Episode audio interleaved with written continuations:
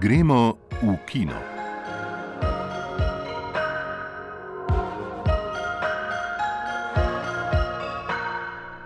Lepo pozdravljeni v naši filmski oddaji, ki jo bomo začeli slovesno. Jutri bi nam reč sto let praznoval Vitomil Zupan, ki ni bil samo pisatelj, temveč je presenetljivo veliko naredil tudi za film. Poleg tega bomo pozornost posvetili novemu delu iranskega režiserja Ažgarja Farhadija in prvemu savtskemu filmu, ki ga je režirala ženska. Ozrli se bomo k letošnjim Zlatim globusom in nominirancem za Oskarje.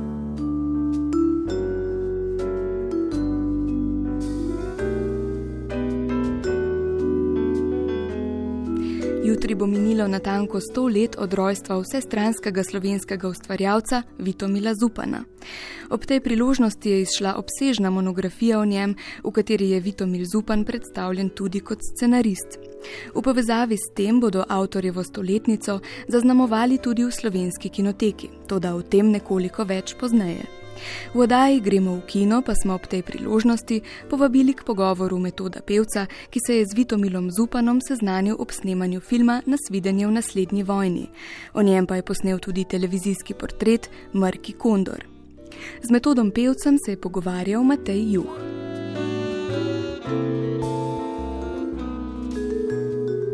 No, Vitomil Zupan je bil kot ustvarjalec vse in še več. Bil je pisatelj, dramatik, pesnik, celo slikar, bil pa je tudi scenarist. No, pri tem je zanimivo, da je film, po katerem je danes najbolj znan, nasviden je v naslednji vojni, nastal po njegovem romanu Menuet za kitaro, zanj pa ni napisal scenarija, to je storil Živojin Pavlović. No, vi ste se kot glavni igralec v filmu takrat prvič seznanili z Vitomilom Zupanom. Kakšen je bil ta vtis, v katerem, mimo grede povejva, pišete tudi v svojem prispevku v novi monografiji o njem? Ja, eh, jaz mislim, da, da je za Vito Mila bistveno uh, povedati to, da je obstajal Vito Mil in je obstajala zgodba o Vito Milu Zupanu.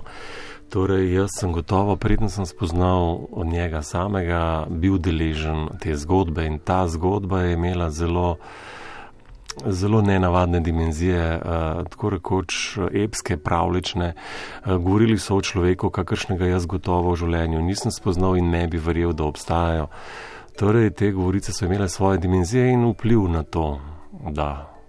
Jaz sem ga spoznal v Bifaju pri Julči, kjer je sedel s svojimi bojda zaporniškimi pajdaši, čeprav mislim, da ni bilo ravno tako.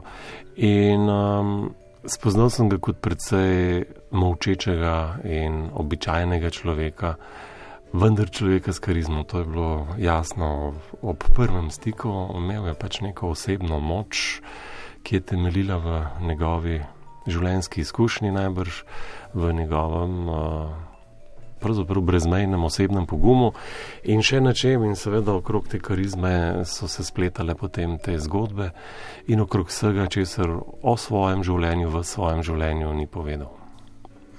No, Menuet za kitaro eh, ima kot roman izrazito autobiografske poteze, se pravi, vi ste nekako v filmu potem igrali njega. Kako ste se pravzaprav s to zavestjo spopadli? To je bilo kar precejšnje breme. Treba povedati, takrat nihče ni govoril, da igram Berka, kot je junakovo fiktivno ime uh, v knjigi.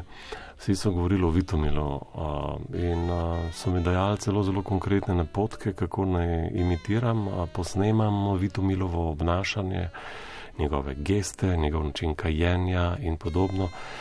Sveda na srečo je režiser to preprečil in se pravzaprav nehal ukvarjati s tem in sploh z idejo, da ta lik zastopa, predstavlja Vitomila, ampak večjemu zastopa njegov odnos do partizanstva, do življenja in podobno.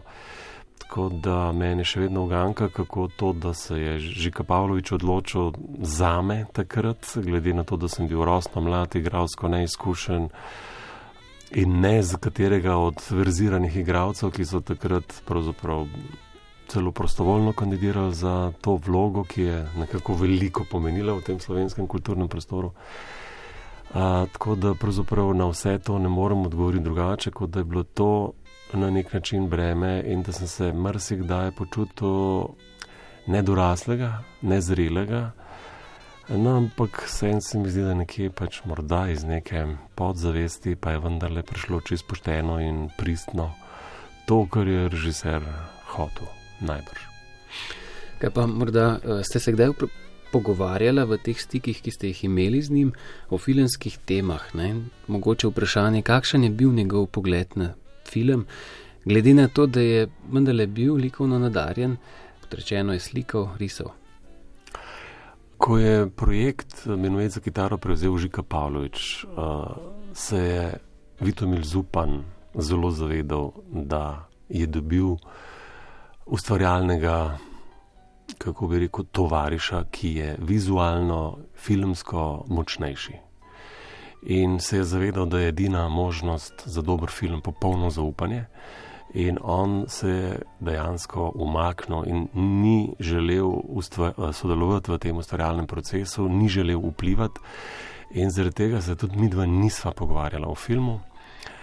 In je edino, kar se spomnim, je nekoč sugeriral neke lokacije v Španiji, kjer je pač on potoval, da bi bile filmsko interesantne, in to je bilo pa vse. In enkrat, morda dvakrat je prišel na obisk na snemanje in se spet hitro uh, pobral.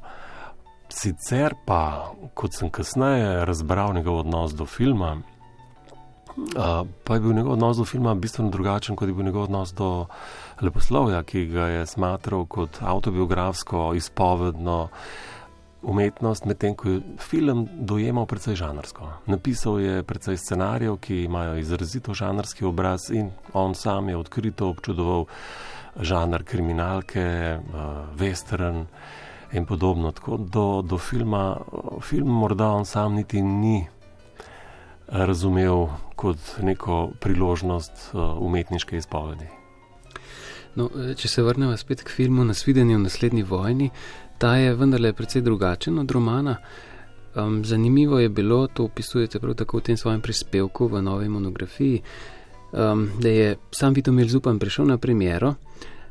Kakšni so bili občutki takrat na tej premieri? Uh, pravzaprav jaz, moj spomin sega na interno projekcijo, prvo javno projekcijo in pravzaprav prvo projekcijo, ki ni bila javna uh, v studiu Viba Filma. In se spominjam predvsem tega strahu spoštovanja, s katerim so vsi pričakovali njegov obisk, ker je bilo zelo znano, da je znal biti izjemno neposreden, grob in če ne celo nesramen, kadar je komentiral kakšne stvari. In vsi so se bali, da bo takšnega komentarja deležen tudi film, ki je na prvi pogled zelo daleč od tega, kar je on napisal. Ampak on je bil s filmom v resnici zelo zadovoljen, kar je, je bilo tisti hip pravzaprav težko razumeti, glede na to, da je takšna količina njegovega materijala, da je mu reč, v montaži šla ven, da je režiser na samem snemanju dopisal stvari, ki seveda niso bile povezane z, z literarno predlogo, ampak v resnici je pa seveda film popolnoma zadev bistvo uh, Vitomilovega romana in jaz mislim, da je ravno s tem bistvom bil on uh, popolnoma zadovoljen. Morda še vprašanje, glede njegove literature in filmskosti njegovih literarnih del. Ste sami kot režiser kdaj razmišljali recimo o filmski priredbi kakšnega njegovega dela?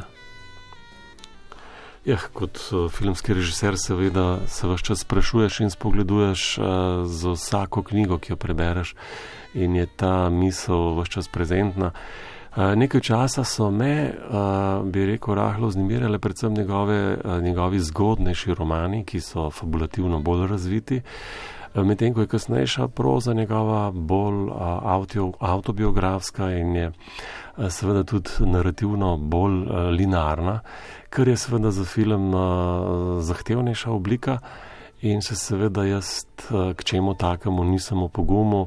Uh, Žika Pavlović je to posnel, ampak res, da tudi uh, v, z enim izjemnim avtorskim pristopom, hkrati pa tudi v neki filmski produkciji, ki je zmogla to epsko širino, s katero je pravzaprav ta film zapolnjen uh, do zadnjega vlakna. Uh, nekaj takega si produkcijsko danes zelo težko predstavljamo. Tako da druga stvar pa je, ki pa me mika, ali tretja stvar so pa njegovi napisani scenariji, ki še vedno čakajo bralca in uh, mislim, da varno počivajo na policah nuka, ampak morda zaidem tja. Uh, še zadnje vprašanje. V čem je po vašem največji prispevek Vitomila Zupana k slovenski kinematografiji? Je on vplival recimo na našo kinematografijo bolj kot osebnost ali tudi čisto preko tehnično z nekega filmskega vidika? Meni je osebno žal, da ni več pisal za film. Uh, predvsem, da ni morda takrat že slovenskemu filmu dal več žanra. Ne? Tako da pa še njegov, najbolj njegov film, pet minut raja, pravzaprav ni bil posnet v Sloveniji. Tako da Vitomir Zupan kot scenarist je po mojem mnenju v Sloveniji neizživet, neizpet. In mislim, da bi njegov Eh, prispevek eh, slovenskemu filmu lahko bolj koristil, eh, če bi se seveda filmu bolj posvetil in če bi prav s temi svojimi, kako bi rekel, žanrskimi pogledi na film, bi lahko slovenskemu filmu kako bi rekel, pomagal, da bi hitreje se stopil iz te zvestobe literarnim predlogam in, in tej okornosti, ki je včasih, filmski okornosti, uh, ki je včasih sledila ravno tej zvezanosti z literaturo kot osnovo. Tako da gotovo bi ta učinek bil lahko večji, seveda pa je, ker, če govorimo o menuetu, pa Je pa težko govoriti o, o vplivu njega kot filmarja, ampak je tle res gre samo za uh, neko knjižno izhodišče, ki je potem dobilo eno lepo pač filmsko podobo. Metod Pivec, hvala za pogovor. V omenjeni novi monografiji o Vitomilu Zupanu je objavljen tudi članek oziroma intervju Željka Kozinca z Vitomilom Zupanom. Naslovljen Inženirjeva delavnica je polna idej. Prvič je izšel pri mladini leta 1962, ponuja pa nekaj upogledov v Zupanovo razmišljanje o scenarističnem delu. Odlomku iz pogovora lahko prisluhnete zdaj. Kdo je potem pravi pisec scenarijev? Pravi pisec scenarijev je tisti, ki vtisne v svoje delo svoj osebni pečat, o katerem lahko rečemo, da je zares njegovo. Ali se to scenaristu kdaj posreči? No, recimo, da je scenarij v redu. Hočem reči, ali uspe scenaristu zmeraj prodreti z nekim novim problemom, ki bi lahko izval posledice, ali ni preveč posegov z producentove ali režiserjeve strani, strani raznih poklicanih in nepoklicanih. Malo kdaj je njegov scenarij na koncu tak, kot bi sam želel. Veliko poklicanih in nepoklicanih posega v njegov scenarij. Poglejte, Ben Hecht je napisal več kot sto scenarijev in samo pet ali šest jih je zares po njegovi volji. Ali bi pisali scenarije po naročilu? Ne, zdaj ne več. Včasih sem jih pisal in vem, da se je težko uživeti v tujo snov. Idealen slučaj za ta primer nastopi takrat, če se tuja zgodba popolnoma poustvari.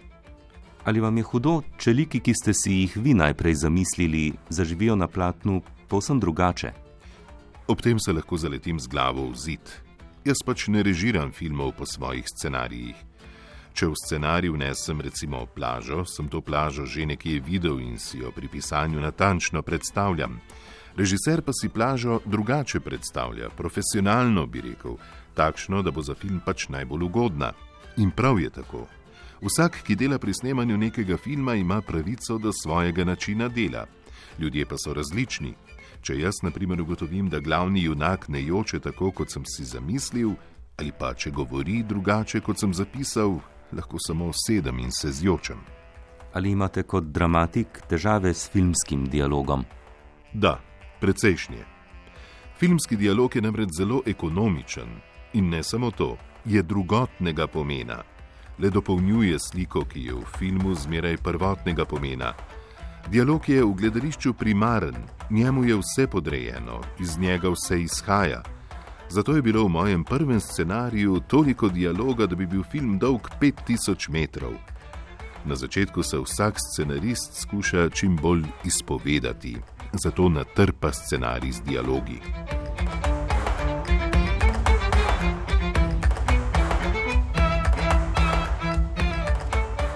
Tudi v slovenski kinoteki Vitomilu Zupanu posvečajo tri dni, namreč od prihodnjega ponedeljka do srede. Na sporedu bo niz filmov, za katere je Zupan napisal scenarij ali sodeloval pri njem. Nočna pustolovščina, Sarabanda za obešence, naš avto, idealist, peta zaseda in maškarada.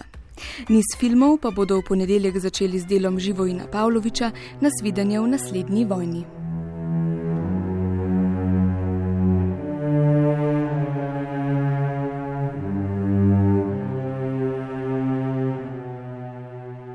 Kinodvoru se je včeraj zavrtel nov film z Oskarjem nagrajenega iranskega režiserja Ažgarja Farhadija, ki v preteklosti, podobno kot v svojem prejšnjem filmu Ločitev, mojstersko raziskuje zapletene družinske odnose. Neva Mužič. Ažgar Farhadi, iranski režiser v Franciji, ale za hip, kajti privrženje domovini. Kot avtor pa govori univerzalen jezik.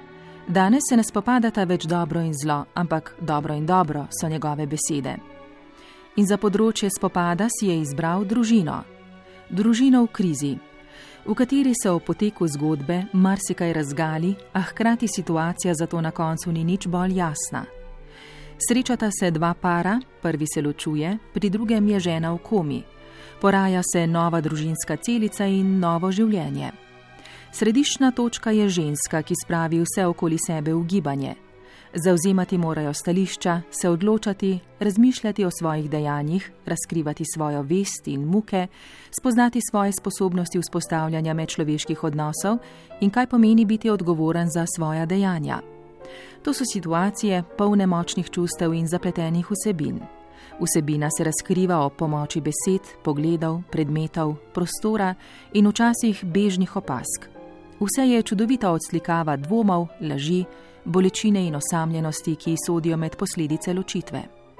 Mojstersko kadriranje in upeljevanje tako ljudi kot vse večjega števila informacij, ki spremljajo to nad vse napeto in zapleteno dramo, ta že meji na detektivko, čeprav ni nikjer detektiva, ki bi določil glavnega krivca, vse to je plot režiserjevega občutka za prostor, igralce in dialog ter znanja, ki si ga je pridobil z delom v gledališču. Težko si je predstavljati težje naloge, kot jih imajo vsi upleteni v to dramo. Tudi otroci niso izjema, še posebno odrasla hči svojo ključno vlogo. Dialogi so realistični, emocionalno žgoči, kot da bi gledali dokumentarec. Ne moreš se odpovedati sodelovanju, dogodkom se ne da obrniti hrbta. Nihče od upletenih nima popolnoma prav, prav vsi pa so v določenem trenutku prizadeti, jezni, zmedeni ali osamljeni. Igralski ansambl je enkraten in kamera ga mojstersko posname. Režiser ne zapeljuje ne na eno, ne na drugo stran, ne vodi v določen konec, saj nepričakovano dodaja podrobnosti, ki spodnašajo možnost vzpostavitve celotne slike. Ves čas postavlja predvsem vprašanja in na nje le delno odgovori, oziroma odgovori le do naslednjega vprašanja. To je njegova zavestna metoda, saj trdi, da gledalec tako ostaja vse čas filma buden in navzoč in odnese film sabo domov. Tako se v družinski tematiki lahko najdejo vsi in primerjajo svoje izkušnje z izkušnjami tistih na platnu. Nenehno so na meji med sestavljanjem in razstavljanjem resničnosti. To je postopek značilen za sodobnost in tudi postopke v umetnosti. Film je tekoče in intimistično delo, ki ni namenjeno tistim, ki bi radi ubežali stvarnosti, ampak vsem, ki bi želeli zapletene odnose in resnico bolje razumeti. Pravzaprav razumeti to, da je preteklost vsakega posameznika navzoča tudi v sedanjosti, ki je hkrati že nastavek prihodnosti.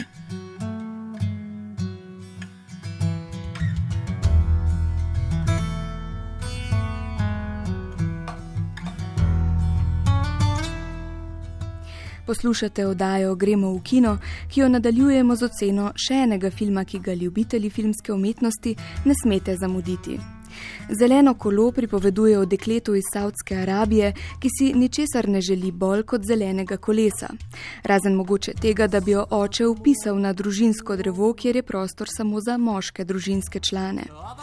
Povejmo še, da je Zeleno kolo prvi film posnet v Saudski Arabiji, pod katerega se je podpisala ženska, namreč Haifa Al-Mansur, ki je zanj napisala scenarij in ga režirala.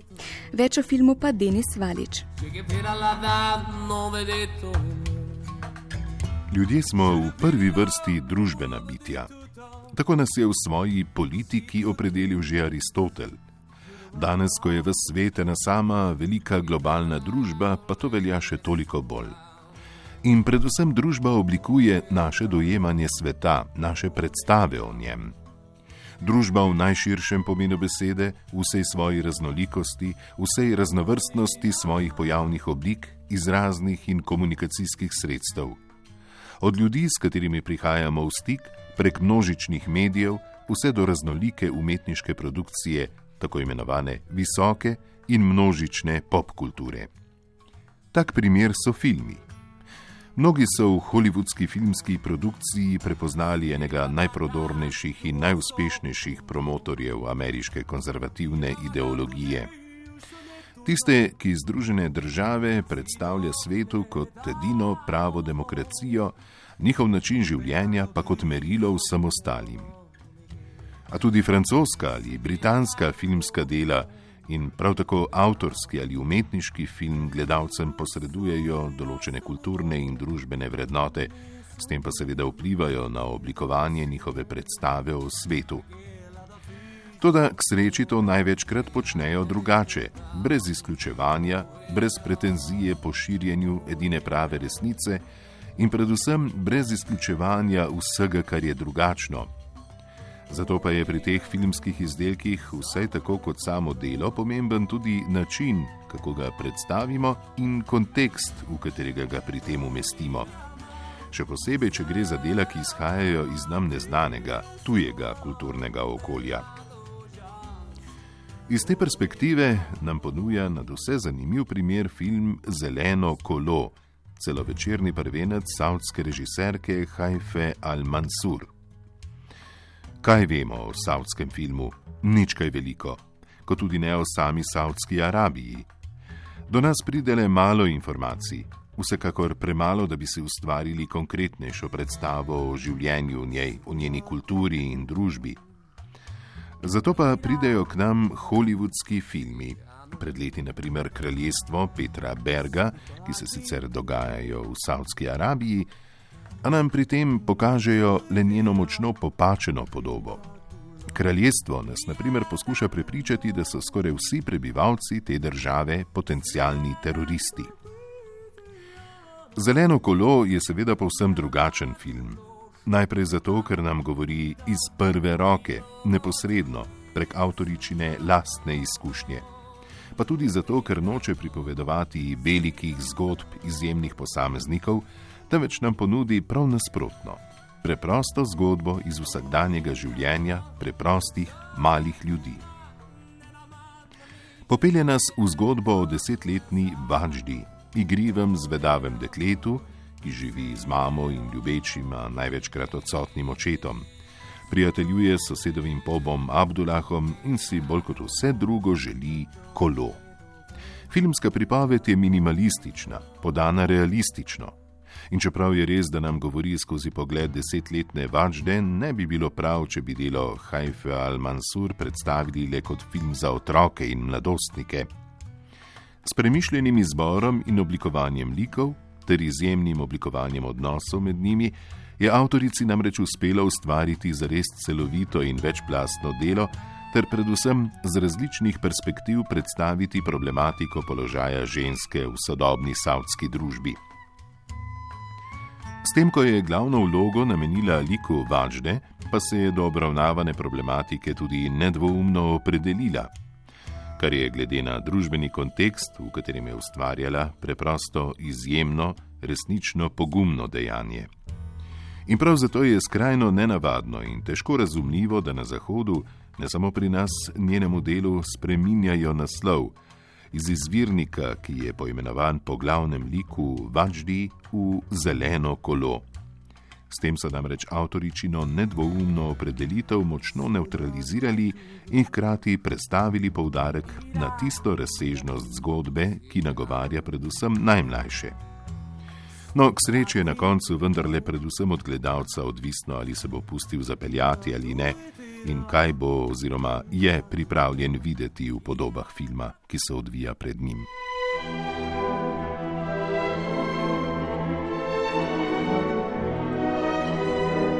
V nedeljo so podelili Zlate globuse, nagrade za največje dosežke na področju filma in ameriške televizije, ki jih je letos 71. podelilo Združenje tujih dopisnikov Hollywooda. Že nekaj mesecev je bilo znano, da bo nagrado Cecila Demila za življensko delo prejel vsestranski filmski ustvarjalec Woody Allen, ki pa na podelitev ni prišel. Slovi namreč potem, da se nerad udeležuje to vrstnih prireditev, temveč jo je v njegovem imenu sprejela Diane Keaton. V kategoriji filmske drame je zmagala 12 let sužen Steva McQueena, resnična zgodba postavljena v čas tik pred ameriško državljansko vojno o svobodnem črncu severa, ki ga trgovci sužnji ugrabijo in prodajo v suženstvo na jug Amerike, kjer se mora naslednjih 12 let boriti za preživetje in svobodo. Film je bil sicer nominiran v sedmih kategorijah, prejel pa je samo eno, vendar najbolj prestižno nagrado - Zlati globus za najboljše delo med filmskimi dramami. Kipet za najboljšo žensko vlogo v tej kategoriji je prejela Kate Blanchett za svojo tragikomično upodobitev padle bogatašinje v filmu Otožna Jasmine Woodyja Elena.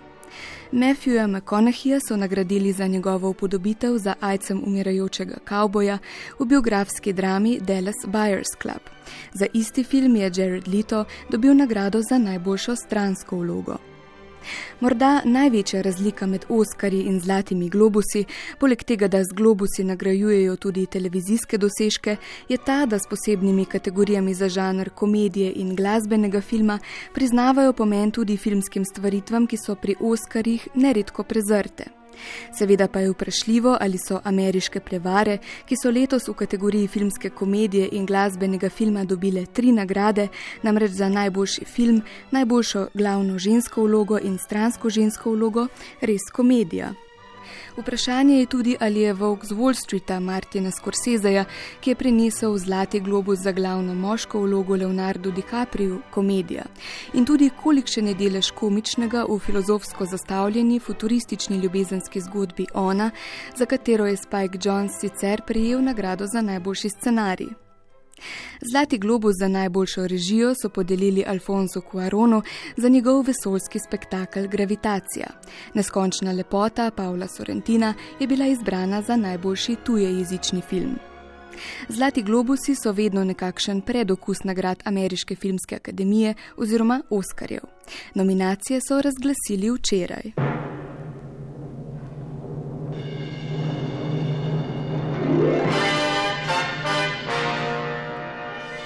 V kategoriji za najboljši film so torej nominirani Gravitacija, Ona, Kapitan Philips, Nebraska, Filomena, Dallas Buyers Club, 12 let sužen, Volk z Wall Streeta in Ameriške prevare. Prav ameriške prevare pa so si prislužile tudi nominacije v vseh drugih glavnih kategorijah. Za glavno žensko vlogo je nominirana Amy Adams, za glavno moško vlogo Christian Bale, za moško stransko vlogo Bradley Cooper, Jennifer Lawrence za stransko žensko vlogo, David O. Russell pa za scenarij in režijo. Med favoriti je tudi 12 let sužen.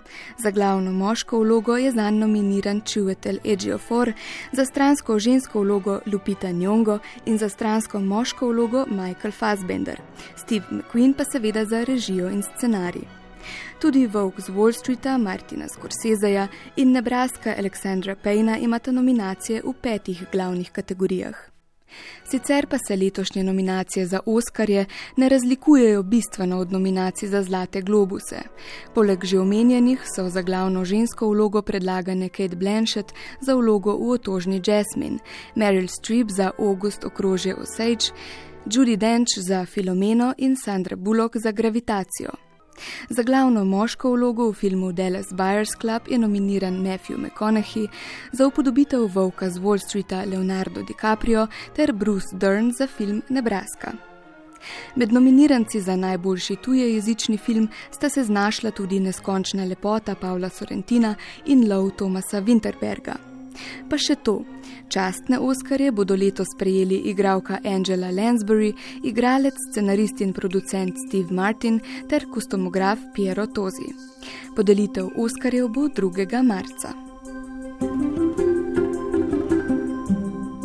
V Trstu se bo nocoj s projekcijo bosansko-slovensko-francoskega filma Epizoda iz življenja zbiralca železa bosanskega režiserja Denisa Tanoviča začel 25. Tržaški filmski festival, ki bo v šestih dneh predstavil več kot 50 najboljših igranih in dokumentarnih filmov iz srednje in vzhodne Evrope. Še pred uradnim večernim začetkom pa bodo v Trstu pokazali dokumentarni film Mama Evropa Petre Seliškar. V svojem četrtstoletnem obstoju je pri Tržačanih in italijanskih filmskih kritikih izjemno priljubljeni filmski festival vedno prikazoval filme in predstavljal avtorje, ki so s kamero in zgodbami izrisovali aktualni trenutek svojega okolja. Tudi letos se bo v dvorani Tripkovič in gledališču Mjela, nekdanjem domu pristaniških delavcev, zavrtela vrsta slovenskih filmov. Festival je bil namreč vedno odprt za presežke slovenskega filmskega ustvarjanja. Posebno mesto so mu namenili tudi letos. Festival se bo prihodnjo sredo končal s filmom Razredni sovražnik mladega režiserja Roka Bička, ki je bil v Italiji v Benetkah že nagrajen. Sicer pa je direktorica festivala Ana Marija Pergavasi v Trst povabila še animirani film Bolež, Špele Čadež, in dokumentarec Pravi človek za kapitalizem Dušana Moravca ter projekt Rak Damjana Kozoleta.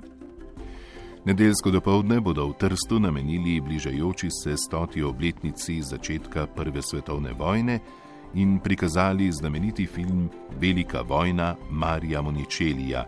V ponedeljek pa na festival prihaja lanski dobitnik Zlatega Beneškega leva Gianfranco Rosi na pogovor o vse večji prepletenosti in povezanosti dokumentarnega in igranega filma.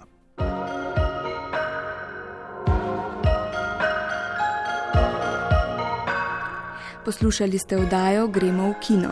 Tokrat smo jo ustvarili Barbara Zupan, Ivan Lotrič, Miha Zor, Alma Čelik, Janez Ahlin in Tesa Drev.